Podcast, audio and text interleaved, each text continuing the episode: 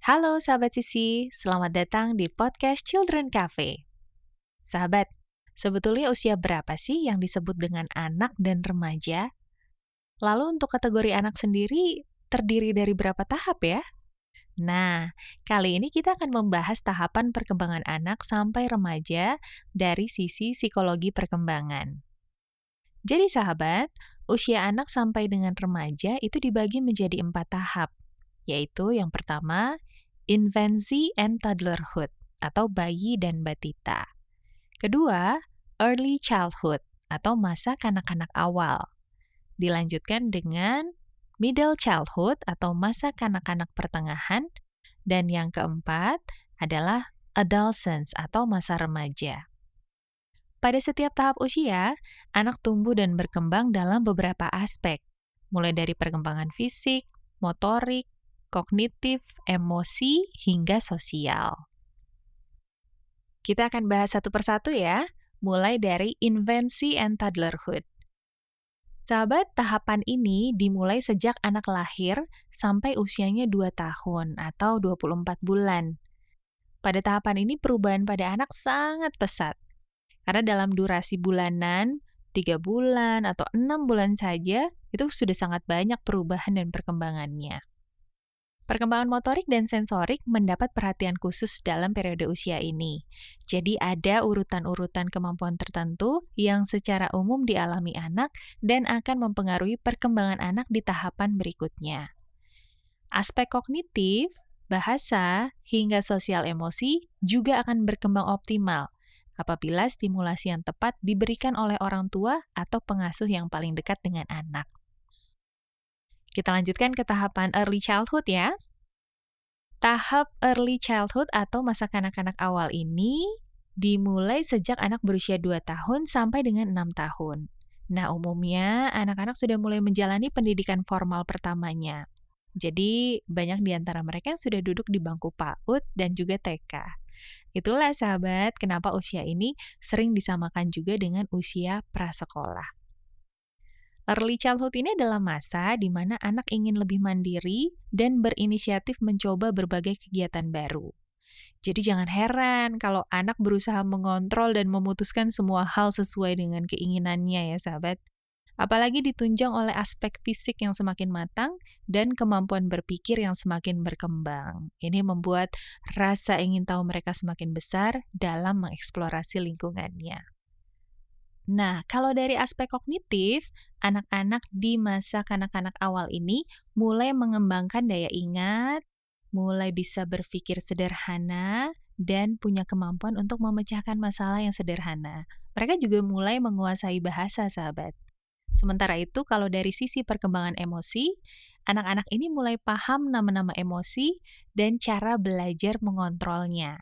Nah, kalau secara sosial bagaimana? Mulai tumbuh konsep diri dan pemahaman terhadap aturan. Hal-hal ini, sahabat, akan mempengaruhi bagaimana anak menumbuhkan empati, menjalin pertemanan, dan juga menyelesaikan masalah dengan orang lain. Sudah mulai kompleks ya perkembangan mereka, sahabat sisi. Kalau para ahli perkembangan sih sangat menekankan pentingnya pendampingan di usia ini. Mungkin Anda juga sering mendengar istilah golden age yaitu masa di mana otak dan kemampuan anak berkembang sangat pesat di lima tahun awal kehidupannya. Nah, lalu bagaimana nih dengan tahapan selanjutnya, yaitu middle childhood atau masa kanak-kanak pertengahan? Pada tahap ini, anak sedang berusia 6-11 tahun. Kalau di Indonesia, sama dengan usia SD ya. Dikenal sebagai periode keemasan perkembangan fisik memang keterampilan motorik anak-anak usia 6-11 tahun ini semakin sempurna.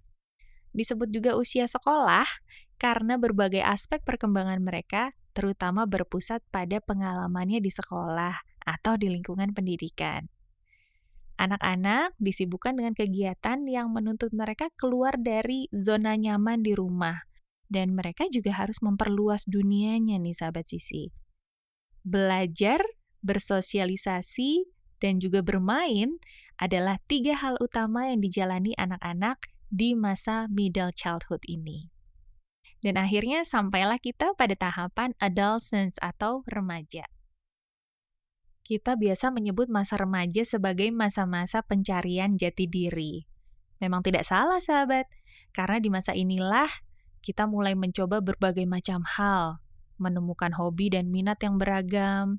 Anak-anak juga memperluas pergaulan dengan teman dan komunitas baru, dan menghadapi persoalan-persoalan emosi dan sosial yang sebelumnya belum pernah dirasakan. Nah, karena cukup panjang dan kompleks, masa remaja sendiri dibagi lagi ke dalam tiga tahap. Yaitu yang pertama ada early adolescence atau remaja awal saat usia mereka 11 sampai 14 tahun. Lalu ada middle adolescence atau remaja pertengahan. Ini usianya 14 sampai 16 tahun. Dan yang terakhir adalah late adolescence atau remaja akhir di usia 16 sampai 18 tahun. Sahabat sisi, masa remaja ini bisa disebut sebagai masa transisi antara masa anak dengan masa dewasa. Dan dalam menghadapi dan menjalani masa transisi ini, remaja dihadapkan pada berbagai tantangan, sebagai contohnya, ada perubahan hormonal ya, yang biasa kita kenal sebagai pubertas. Kemudian juga ada perubahan fisik, ada penyesuaian diri terhadap berbagai masalah emosi dan sosial. Juga ada perubahan bentuk-bentuk relasi, baik dengan orang tua, dengan teman sebaya, hingga dengan lawan jenis. Nah, sahabat sisi, itulah tahapan-tahapan perkembangan yang dilalui oleh manusia, khususnya anak dan remaja. Kita perlu mengetahui dan memahami tahapan-tahapan ini supaya bisa membantu mereka untuk mengoptimalkan potensinya. Oke, sampai di sini dulu sesi belajar bareng kali ini, sahabat Sisi.